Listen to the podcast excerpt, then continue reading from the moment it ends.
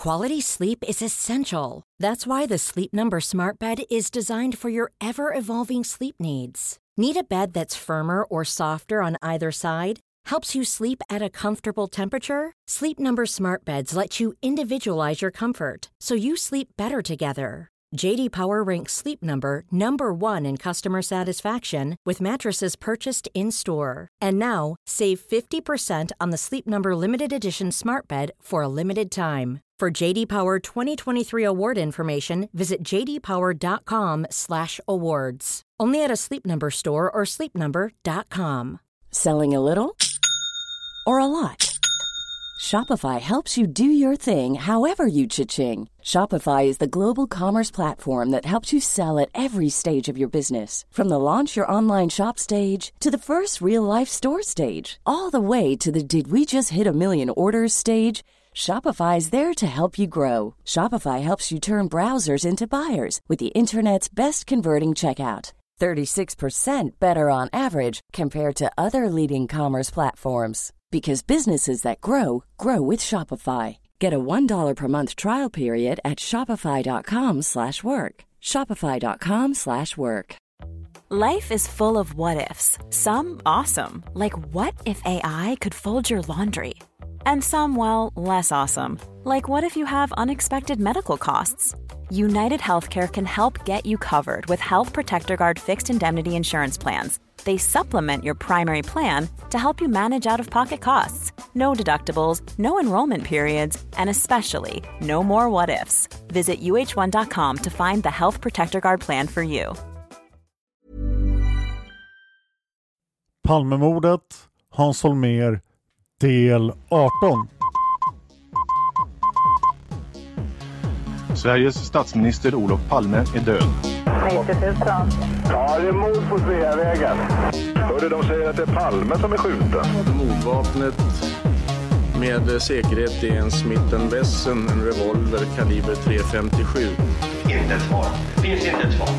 För jag har inget. Och jag har inte varit Polisen söker en man i 35 till 40-årsåldern med mörkt hår och lång mörk rock. Välkommen till podden Palmemordet som idag görs av mig, Dan Hörning. Det här avsnittet är researchat av mig själv, Cornelia Boberg och David Oskarsson. Om du gillar det vi gör får du gärna vara med och sponsra podden och det görs bäst på Patreon, p-a-t-r-e-o-n.com. Sök på Palmemordet. Patreon är också ett jättebra sätt att kommunicera direkt med mig. Varje gång jag lägger upp ett avsnitt så kommer jag se era kommentarer och kommer att svara på dem. Det går även bra att sponsra via Swish. Skriv då Palmemordet i swishen. Vi är framme vid slutet av augusti 1986 i vår granskning av Hans Holmér. I augusti 1986 kontaktade journalisten Lennart H Palmeutredningen per telefon och berättade bland annat följande. En kvinna hade sökt upp honom. Hon hade berättat att en annan kvinna hade sagt att Ulf H på något sätt var inblandad i mordet på Olof Palme och att en belöning hade betalats för brottet samt att Ulf H kände Viktor Gunnarsson. Ni kan höra mer om Ulf H i avsnitten om svensk extremhöger. Hans Holmer var inte alls intresserad av det här uppslaget. I ledningsgruppens mötesprotokoll från den 29 augusti klockan 17 kan man läsa om någonting som Hans Holmér däremot var intresserad av. Citat. Expressen kommer förmodligen att gå ut med material om kurder imorgon. Detta har framkommit genom Svenska Dagbladet. Det bör inte kommenteras på något sätt från polisen.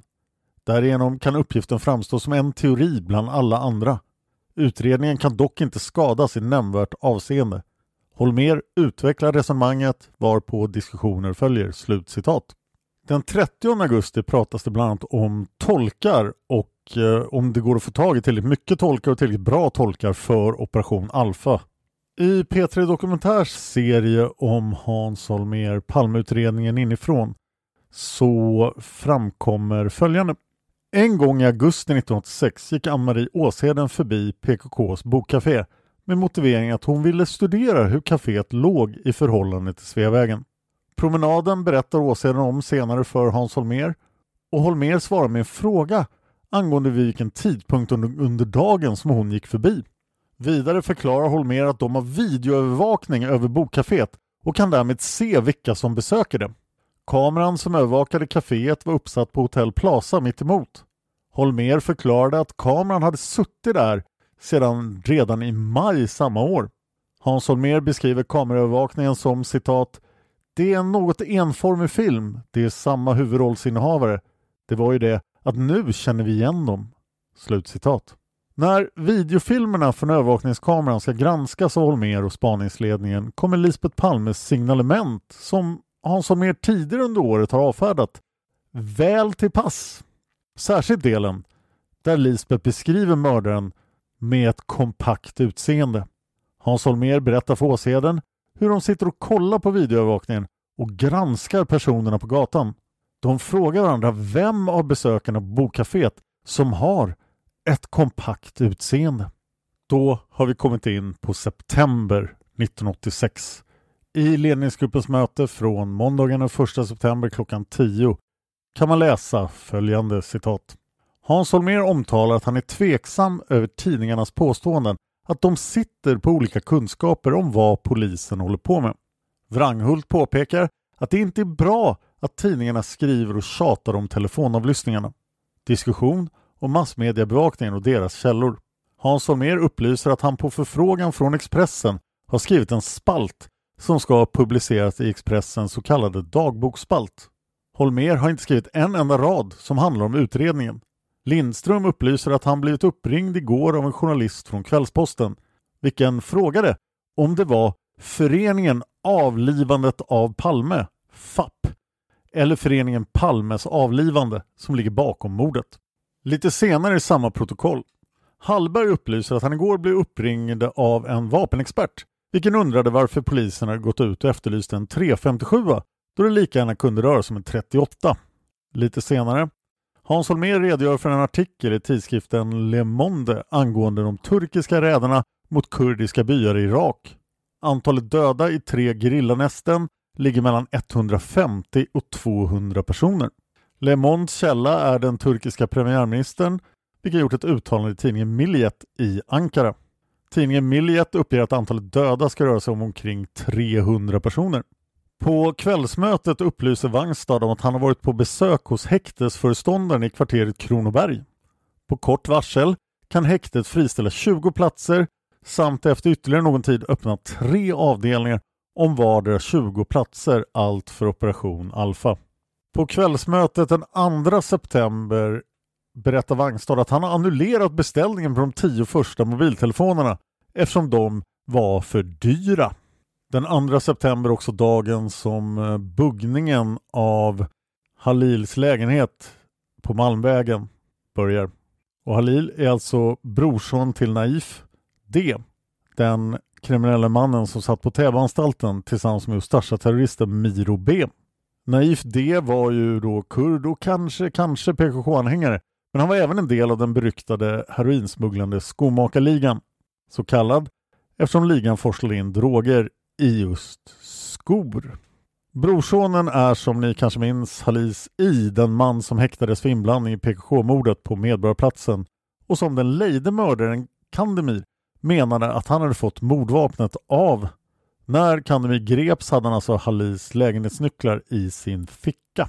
För P3 Dokumentär berättar Solveig Ribedal att hon i början av september 1986 hade haft tid till att läsa in sig på PKH-spåret. Hon hade fått sammanlagt 30 stycken A4-pärmar av spaningsledningen. Där fanns det uppgifter om morden i Medborgarhuset förutom material anknytning till Palmemordet, det var även mordet i Uppsala och våldsbrott utomlands som kunde knytas till PKK.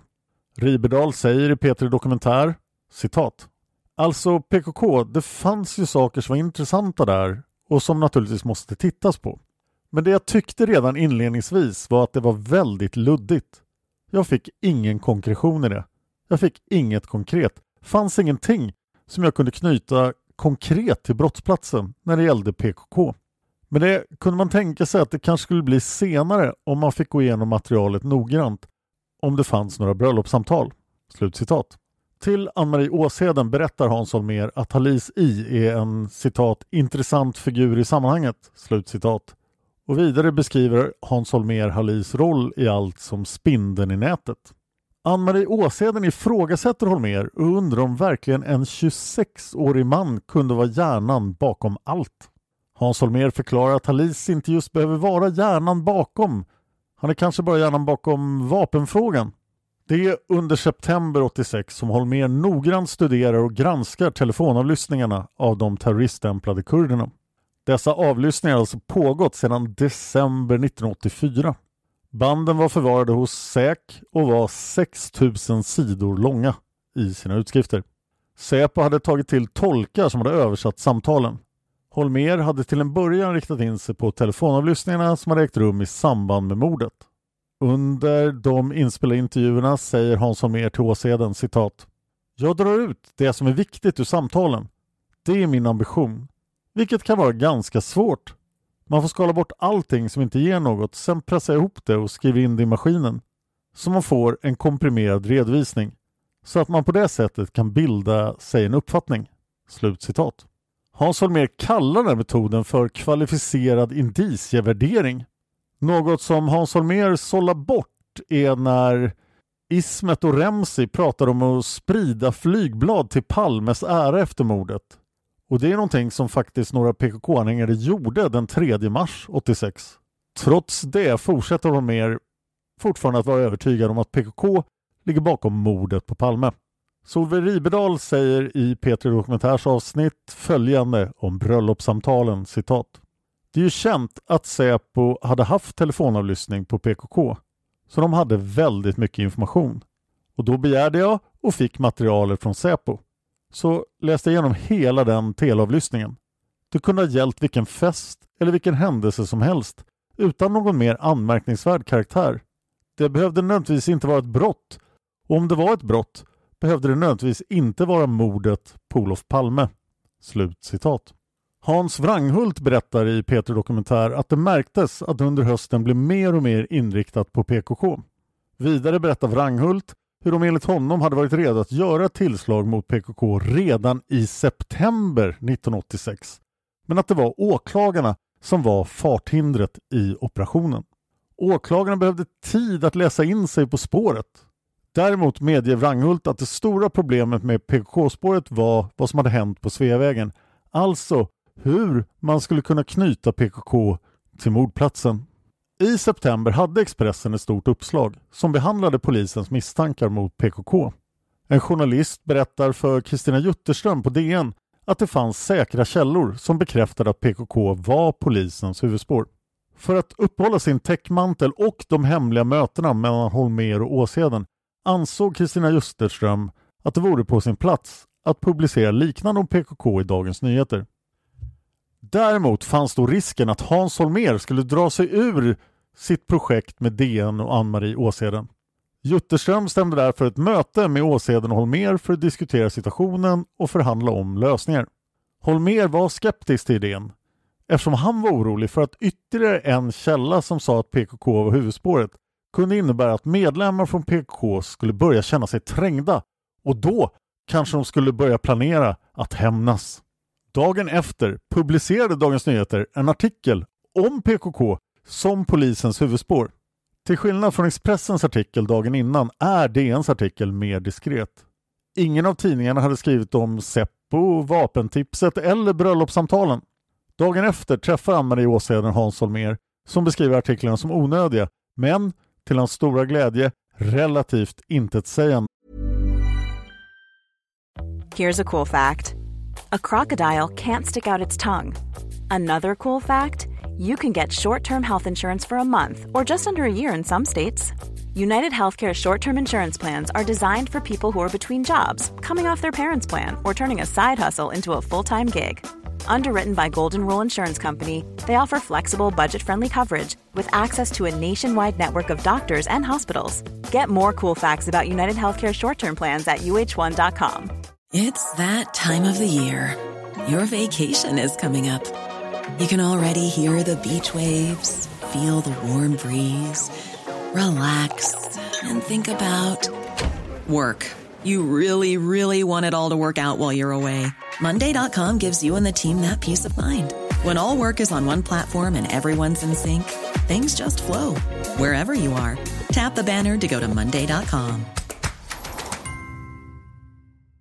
Quality sleep is essential. That's why the Sleep Number Smart Bed is designed for your ever evolving sleep needs. Need a bed that's firmer or softer on either side? Helps you sleep at a comfortable temperature? Sleep Number Smart Beds let you individualize your comfort so you sleep better together. JD Power ranks Sleep Number number 1 in customer satisfaction with mattresses purchased in-store. And now, save 50% on the Sleep Number limited edition Smart Bed for a limited time. For JD Power 2023 award information, visit jdpower.com/awards. Only at a Sleep Number store or sleepnumber.com. Hans Holmér säger då till Åseden citat Det de har skrivit är bara trams egentligen. Jag trodde ju att man från Dagens Nyheters sida framförallt skulle haft mycket mer. Slutcitat. Ann-Marie Åseden frågar då Holmér varför han trodde det. Holmér svarar citat Därför att Kristina var så, hennes journalistiska ansvar gjorde att hon tyckte att hon måste skriva. Då kan man ju jämföra det med att hon insåg de risker som är förknippade med det, som vi idag inte kan överstryka helt. Slutcitat. Hans Holmér berättar vidare för Åseden att PKK-medlemmarna från och med nu kommer att bli allt mer vaksamma. Trots Expressens och Dagens Nyheters enligt Holmér tunna artiklar går både SVT och Dagens Eko ut med att det är kurderna som polisen spanar på. SVT intervjuar några kurder på Sergels torg i Stockholm där det pågår en demonstration för ett fritt Kurdistan. Kurderna beskriver att de är rädda och oroliga för att polisens misstankar ska intensifiera samhällets redan fientliga syn på kurderna. De kurder som var misstänkta för mordet på Palme var ju konstant övervakade. Så Holmer fick information att flera av de kurder som var misstänkta för Palmemordet deltog i den här demonstrationen. Agerandet var enligt Hans Holmér en täckmantel från kurdernas sida. Det var ett sätt för dem att visa hur oskyldiga de var. Granqvist upplyser på morgonmötet den 3 september att läckorna har diskuterats på SÄK. Inställningen på SÄK är att det är så många poliser som känner till spaningsledningens huvudlinje PKK att det är svårt att hålla den linjen hemlig. SÄK tror att det är spritt på flera händer än vad man kan tro. Det blir diskussion om vad massmedia och poliser känner till om huvudlinjen. Wranghult påpekar att det är viktigt att vi uppträder som att inget är känt bland massmedia och poliser för att undvika att vi slappnar av beträffande sekretessen. På kvällsmötet den 3 september upplyser Hans Holmér om att han har gjort en föredragning inför partiledarna idag. Förutom statsministern Ingvar Carlsson var följande närvarande. Kjell Larsson, Harald Fält, Lars Werner, Birgit Friggebo, Carl Bildt och Olof Johansson. Även gruppledaren för Socialdemokraterna i riksdagen närvarade. Innan Hans Holmér började sin föredragning påtalade statsministern Ingvar Carlsson att ärendet skulle behandlas med största tänkbara sekretess och att ingen kunde säga någonting utanför rummet. Enbart Karin Söder och Bengt Westerberg skulle få information över vad som framkom under Holmers föredragning. Holmer upplyser vidare att han gav en beskrivning av ärendet i stora skivor. Föredragningen pågick i 50 minuter. Därefter ställdes en hel del frågor av bland annat Carl Bildt. På kvällsmötet den 4 september redogör Wangstad för planeringen av Operation Alfa avseende bland annat personalresurserna på 240 man. Förberedelsefas, utredningsfas, kontrollfas, tolkar, presscentrum, förhörs och tillslagstekniker och specialstyrkor. Även arrestplatser, kommunikation och gränsbevakning. Wangstad tror att det kommer att bli problem med tolkarna. Förmodligen är de rädda att träffa de misstänkta. Lenninge undrar om det inte går att ordna så att tolkarnas identitet hålls hemlig. Wangstad undrar om det är möjligt att genomföra en aktion som kräver cirka 240 man. Han tycker att var och en ska fundera över det. Lite senare i samma protokoll upplyser Hallberg om att han har fått ett tips om att en organisation i USA, Pantra Unica, håller på med en destabiliseringskampanj mot Sverige. Senare upplyser Granqvist om att PKK förbereder en manifestation inför lördagen den 13 september. Granqvist upplyser att SÄK kommer att videofilma i samband med demonstrationen. Den 9 september upplyser Holmér om ytterligare försök att få ta del av hans privata post. I förhörsprotokollet från den 10 september på kvällen kan man läsa att en fransk tidning i söndags hade hela första sidan med inriktning på att polisen har kurder som sitt mål beträffande mordet på Olof Palme. På morgonmötet den 11 september upplyser Holmer om att Expressen skriver om PKK idag. Artikeln innehåller inget av vikt. Holmer påpekar att artikeln inte innebär att sekretessen minskat på något sätt. I samma protokoll finns även en skiss över förhörscentrum. Wangstad redogör för en skiss över förhörscentrum med mera. På fråga från Vangstad uppger Hans Holmer att det är naturligt att förhörscentrumet ligger på KK1. Holmer påpekar att det är viktigt att KK1 utser en ledning för förhörscentrumet så snart som möjligt. På fråga från Vangstad upplyser Severin att en beställning får göras på de rum och lokaler som ska disponeras av Fösargruppen och Tolkgruppen. Ledningsgruppen pratar även om ordningshållningen på Råsunda i fotbollsmatchen mellan Sverige och England. Wangstad redogör för ordningshållningen i samband med gårdagens fotbollsmatch mellan Sverige och England. Wangstad påpekar att justitieministern uppträdde i tunnelbanan utan livvakt och han anser att ordningsläget var stökigt. Wranghult verkar även ha varit i Danmark och haft ett längre samtal med politidirektören i Köpenhamn.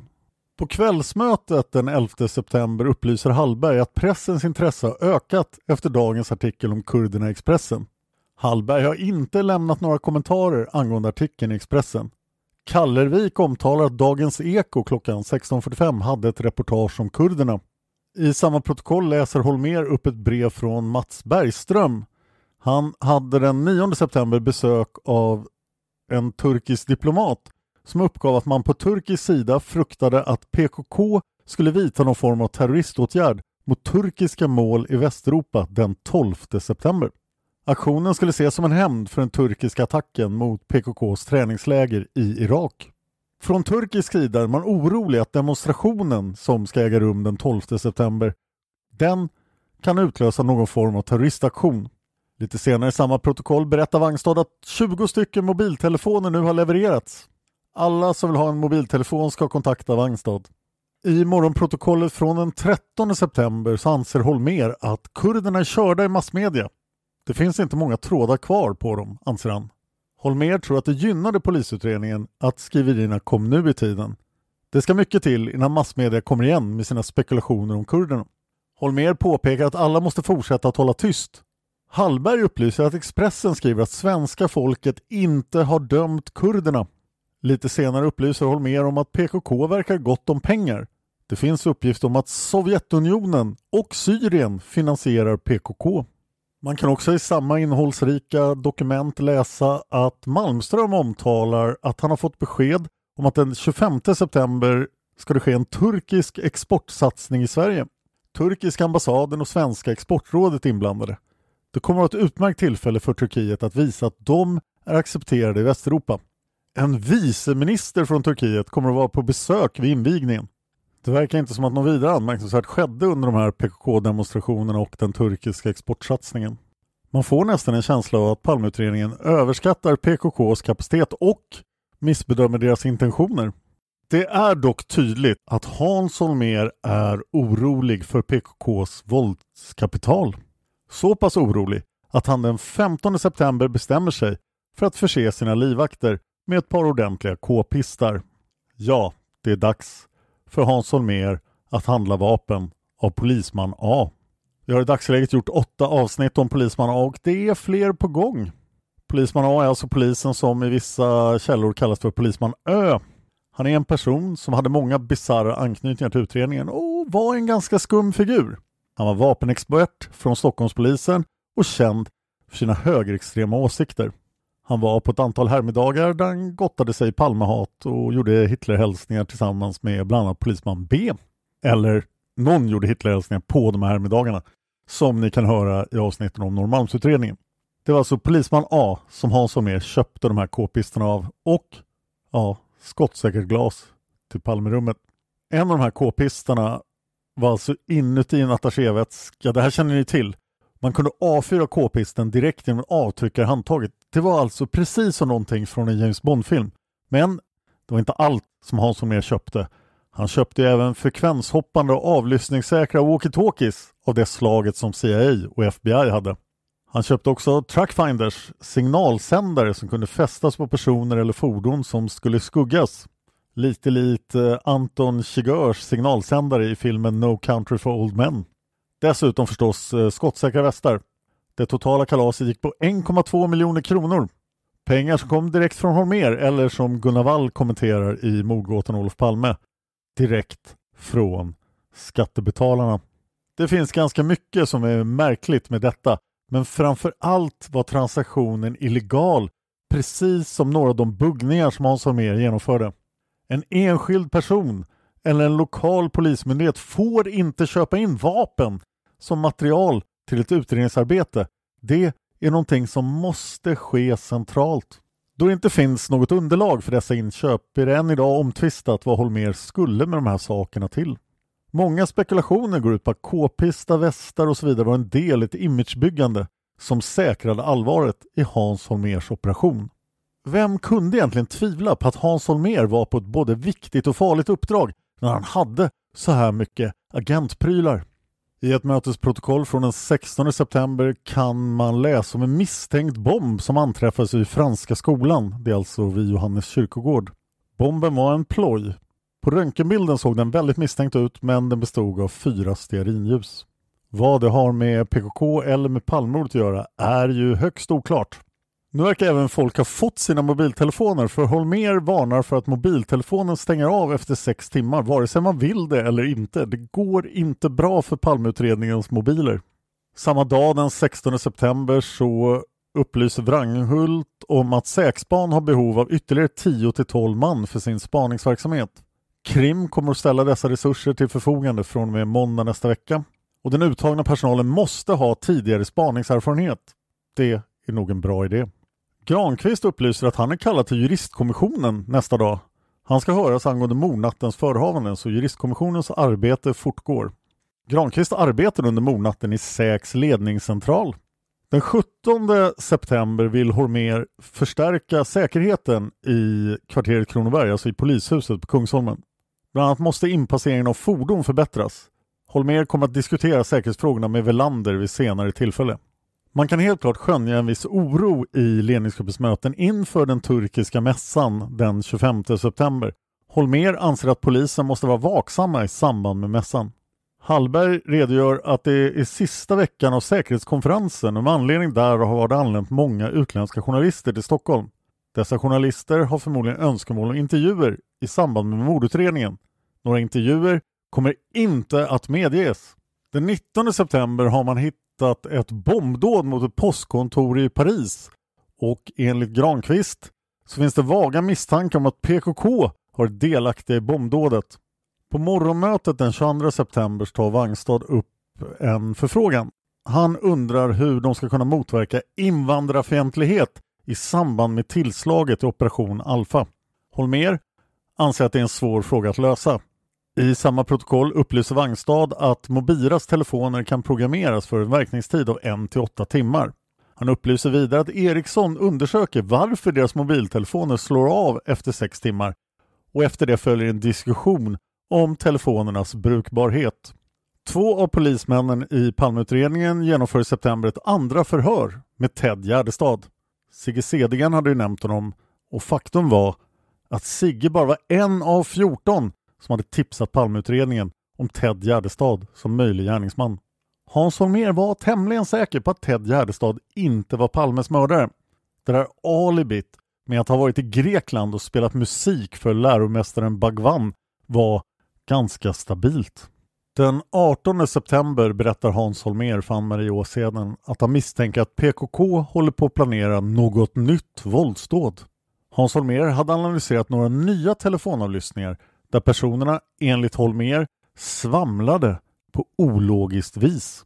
Holmér tänkte att det kunde indikera på planerande av framtida brott. Ett av samtalen Hans Holmér lyssnade på handlade vad han trodde om vapen och om vapen med någonting på. Han tror därför att nästa attentat som PKK tänker utföra inte kommer att ske på nära håll utan på distans med exempelvis kikarsikte. Holmer agerar. Han drar igång säkerhetsåtgärder för Alf Karlsson, Ingvar Carlsson, några socialdemokratiska ministrar och tre byggnader. Samtliga får utökad bevakning. Enligt Hans Holmér är Åklagarna inte i behov av bevakning eftersom de inte är så pass offentliga. Hans Holmér sätter upp sitt eh, pansarglas i Palmerummet och eh, chefsrummet får en gallergrind. Det är nu fyra livvakter för Hans Holmér. Han har även försett sig själv med en pistol och han uppmanar resterande personer i spaningsledningen att vidta liknande åtgärder.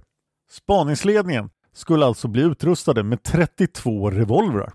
Tommy Lindström motsatte sig uppmaningen och ansåg snarare att spektaklet var löjligt och förvarade därför sin revolver i ett kassaskåp. Tommy Lindström berättar för Peter i Dokumentär att han inte kunde se någon anledning eller ens föreställa sig en situation där det skulle vara nödvändigt att ha på sig en revolver. Även Holmers närmaste man, Hans Wranghult, fick livvaktsskydd på begäran av Holmer. Wranghult var inte nöjd med det utan han ansåg snarare att pådraget var överdrivet och obefogat. Tommy Lindström berättar också i Peter Dokumentär att han inte var lika pigg på PKK-spåret som Holmer var. På uppdrag från Holmer fick Tommy Lindström order om att analysera och granska kurdiska våldsdåd runt om i Europa. Tommy Lindström berättar själv, citat. Alla de dåd som hade utförts hade utförts mot avhoppade PKK-are. Ingen vanlig människa var drabbad. Inte i något enda fall hade man vänt sig mot respektive lands styrelseskick som poliser, politiker och sådana saker. Det fanns liksom ingen substans i det här egentligen. Slut citat Tom Lindström. Hans Holmér verkar ju fortfarande helt övertygad om att PKK är Palmes mördare. Men till och med medlemmarna i hans egen ledningsgrupp påstår i alla fall idag att de tvivlade rejält redan här. Att Operation Alfa faktiskt skulle kunna ske i oktober verkar inte längre vara en möjlighet. Åklagarna är inte övertygade och man får ju nästan känslan att det redan är hopplöst. Men vi ska fortsätta i nästa avsnitt och se hur det går med planeringen av Operation Alfa. Tack till alla som har sponsrat Palmemordet. Om ni tycker om olösta svenska fall så rekommenderar jag min podd Olösta mord där vi har tagit upp ett antal svenska fall. Om ni är med i Facebook till skillnad från mig så rekommenderar jag Facebookgruppen FUP och övriga handlingar. Det som ligger till grund för Palmemordsarkivet.se där ni kan hitta ledningsgruppens protokoll och läsa dem själva. Och jag rekommenderar också Studio Palmemordet som jag tidigare nämnt så vill jag hemskt gärna ha iTunes-recensioner av den här podden. Om du lyssnar på ett Apple-device så lämna gärna en recension. Jag kommer att läsa upp alla recensioner i podden och det ska jag göra nu. Här kommer ett gäng recensioner vi har fått in. Tack så mycket för alla recensioner. Jag börjar med Bodpedal som ger oss fem stjärnor med rubriken Bästa podden podden som man kan eh, lyssna på om man vill nörda ner sig i palmordet. Lätt att fastna, mycket detaljer och fördjupningar presenteras i lagom långa avsnitt. Nästa recension kommer från Curiositas 1234 som ger oss fyra stjärnor. Rubriken Vilken liten guldgruva. Jag älskar att grotta ner mig och denna podden är en guldgruva för detta. Enda nackdelen för mig är att Dan halvskriker vad som verkar vara helt slumpmässigt utvalda ord i inläsningen. Typ och efter det gick de över gatan. Jag vaknar med ett ryck varje gång. Skrattsmiley. Och Curiositas 1, 2, 3, 4. Det gör jag just för att du ska vakna och vara uppmärksam för det här är viktiga saker. Nästa recension kom från eh, IS Nostres, fem stjärnor. Rubriken Man väntar hela veckor för att höra Dan. Man väntar och väntar men det är aldrig Dan som pratar i sin egna podd. Snälla byt till Dan. Och Ayes Nostres, här är jag! Och jag har ju pratat en hel del i podden så aldrig tycker jag var en liten överdrift. Men det är ett ganska stort jobb att göra en sån här podd varje vecka. Speciellt eftersom jag gör tio poddar till och det här är definitivt inte den största podden jag gör. Därför är jag väldigt tacksam för hjälpen jag får av Tobias som ju är en riktig journalist och inte bara en kille som gillar att prata som jag. Jag letar ju för övrigt fortfarande efter fler personer som kan göra avsnitt om Palmemordet så att är ni intresserade av att hjälpa till och göra avsnitt, hör av er. Men det är först och främst personer som har kapaciteten att klippa ljud, spela in ljud och så och kan göra egna avsnitt. Nästa recension ger oss bara en stjärna av fem. Den är från Landsbergstorpan med rubriken Hur intressant är HH? Har ni slut på bra material? Och jag tycker nog Hans Holmér är ganska intressant. Han, avsnitten om Hans Holmér är den första delen av serien Spaningsledarna som vi hade med från början 2016. Jag vill skildra Palmeutredningen sett ur spaningsledarens perspektiv och den mest intressanta av dem är förstås Hans Holmér. Det tycker jag bevisas lite grann av just det faktum att P3 Dokumentär valde att göra sju avsnitt lång serie om hur en polis ledde spaningar för ganska många år sedan. Alla ämnen som vi tar upp här i Palmemordet vill vi gå så djupt det bara är möjligt i. David Oskarsson skrev fem avsnitt om Hans Holmér. Jag valde att utöka dem. Nästa iTunes-recension kommer från Malin Skis, ger oss fem stjärnor och säger bästa nutids och true crime. Det är spännande och intressant att få följa de olika karaktärerna runt Sveavägen. Från att trott att jag redan visste allt så blev jag såld. Skratt och allvar, seriös utredning och analyser. Må podden fortsätta i all evighet. Amen. Nästa recension kommer från Assar Gabriel. Den ger oss fem stjärnor. Rubriken är Palmordet och Assar Gabriel säger Grym podd med läsning direkt ur förhören. Hasse Backe ger oss fem stjärnor och säger Lyssna! Bra podd om Palmordet. Ett måste för alla som tror sig veta hur det gått till efter att ha kollat på en viss serie på Netflix. Fem stjärnor får vi också av Ida Sett som säger skitbra, min favoritpodcast, toppen, två tummar upp. Dennis79 Sweden ger oss också fem stjärnor och säger riktigt bra, gedigen genomgång av Palmordet ur alla perspektiv, mycket bra podd. PR10 Persson ger oss bara en stjärna av fem och med rubriken blir bara sämre och sämre. Han säger hej, har älskat den här podden men tycker att avsnitten bara blir sämre. Hoppas ni kan hitta tillbaka som det var i början. Intressanta vittnen och spännande gärningsmän. Mer fakta. Jag är tacksam för alla iTunes-recensioner men om ni riktar kritik till podden, var gärna mer specifika. Om avsnitten bara blir sämre, när började det? Har vi sämre från avsnitt 50 eller 250 eller 30? Vad är det som du upplever är sämre? Och vad kan vi göra för att förbättra det? Försök vara konstruktiva i kritiken så vi kan göra en bättre podd. Even on a budget, quality is non-negotiable. That's why Quince is the place to score high-end essentials at 50 to 80% less than similar brands. Get your hands on buttery soft cashmere sweaters from just 60 bucks, Italian leather jackets, and so much more.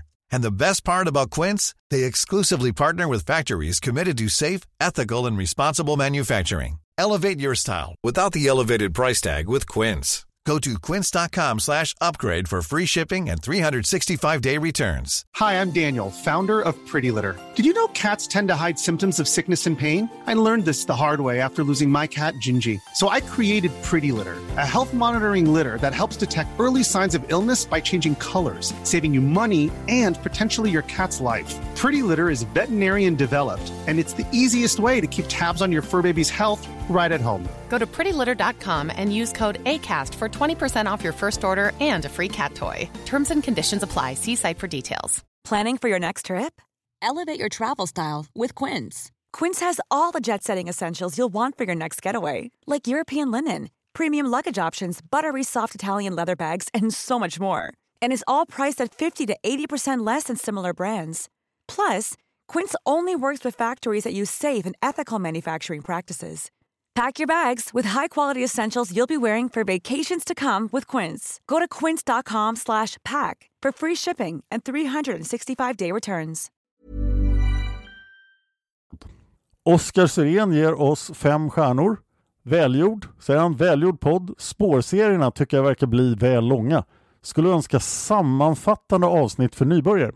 Jag svarar då, det är en tanke jag haft, men jag har bestämt mig för att göra det. Det kanske kommer sammanfattande avsnitt för nybörjare sen.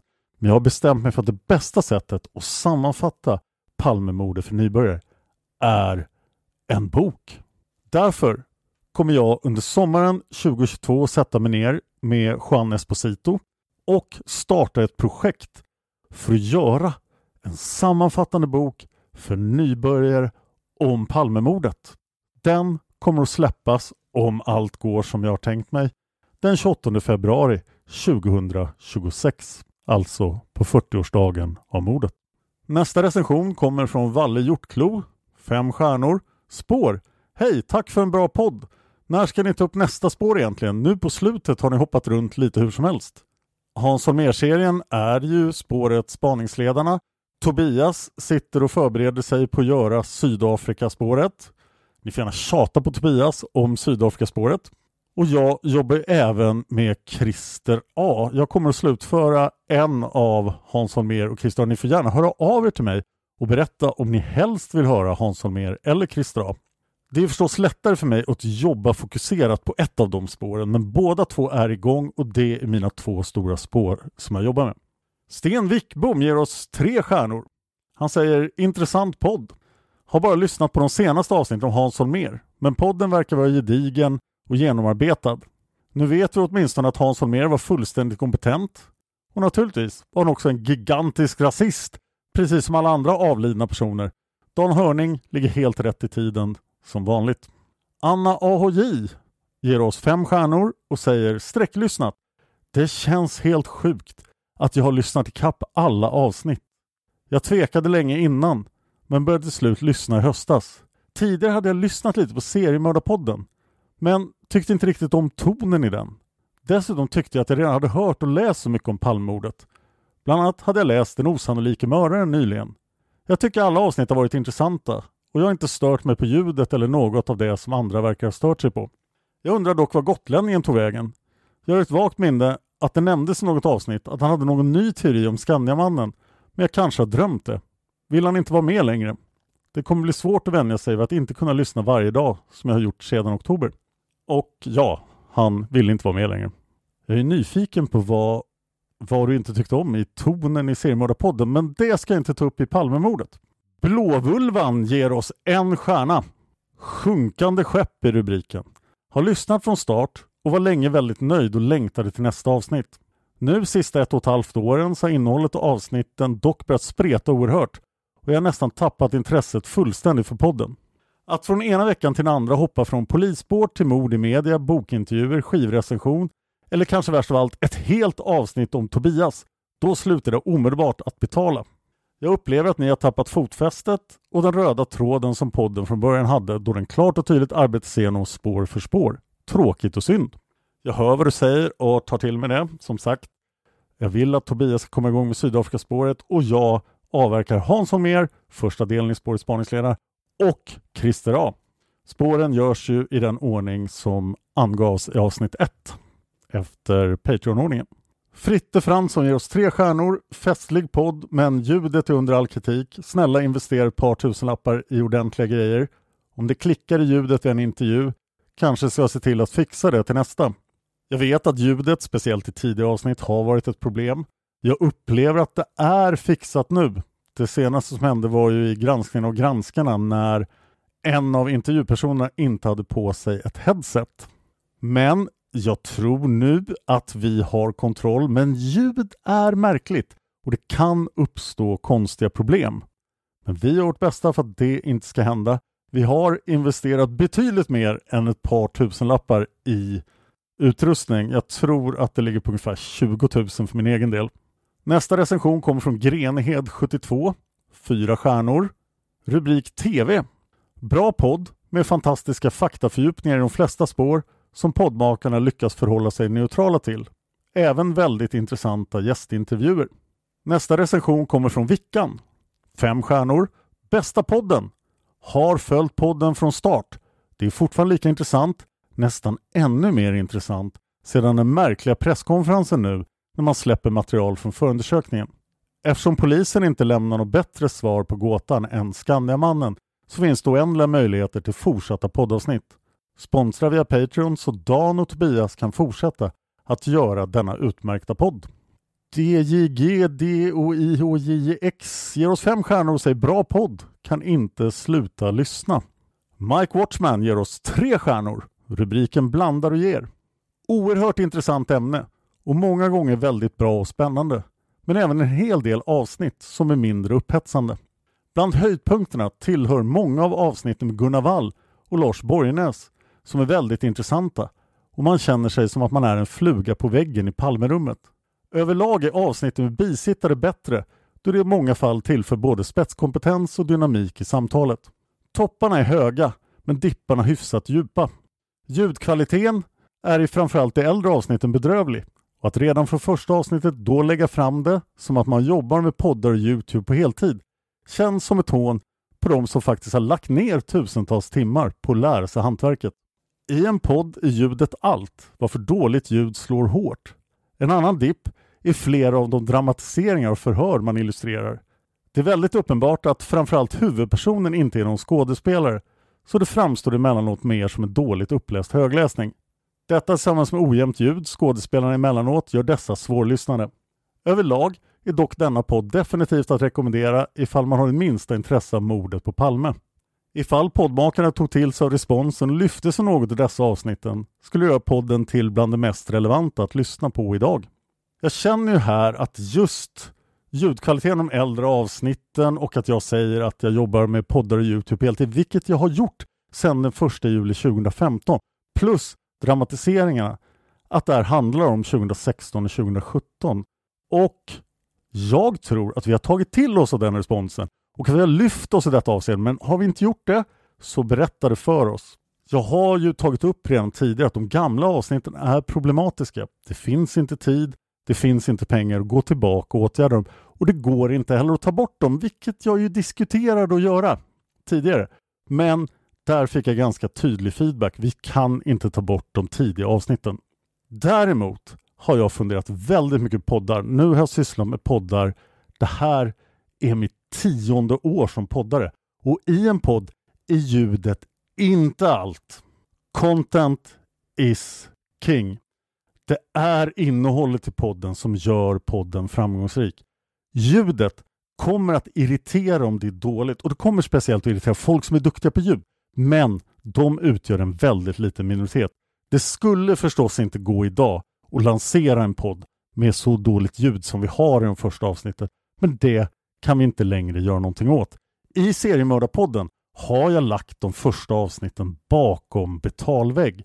Men innehållet fungerade, Seriemördarpodden blev jättestor och den här podden blev ganska stor.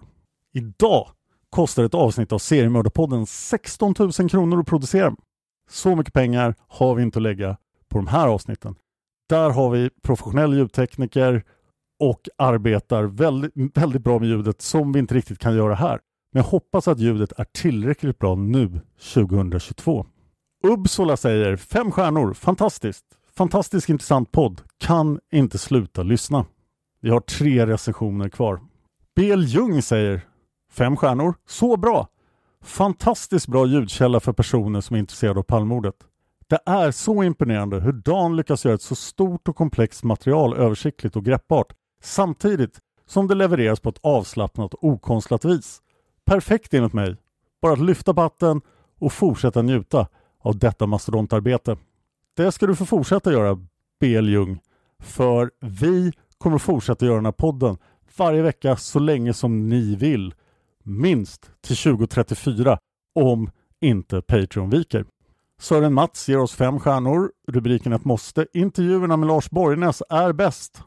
Och dagens sista recension är från Kalle Sve. Fem stjärnor. Hörning är ett proffs. Lagom seriöst underhållande. Märks att Dan är en historieberättare av rang. Tack! Och det var alla våra iTunes-recensioner. Om du tycker att jag är för hård mot Hans Holmér i de här avsnitten om spaningsledarna så kom ihåg att vi kommer skilja Hans Holmér som hjälte när vi gör själva PKK-spåret. Jag pratar väldigt lite om vad PKK faktiskt hade för sig, bara det som Hans Holmér tror att de hade för sig här. Om du vill kontakta oss på Palmemordet så kan du göra det via mail till podden Palmemordet gmail.com podden Palmemordet gmail.com Tack till alla som sponsrar podden. Tack till Lukas för musiken. Tack till expertgruppen, vår jurist och våra researchassistenter. Tack till Cornelia Boberg och David Oskarsson för hjälpen med Hans Holmér-avsnitten. Tack till Tobias och tack till dig för att du lyssnar på Palmemordet. Man hittar Palmes mördare om man följer PKK-spåret till botten. Därför att ända sedan Julius Caesars tid har det aldrig hört talas om ett mord på en framstående politiker som inte haft politiska skäl. Polisens och åklagarens teori var att han ensam hade skjutit Olof Palme. Och det ledde också till rättegång. Men han frikändes i hovrätten. Nu ska vi ut på rövarstråt. ska ut och röva.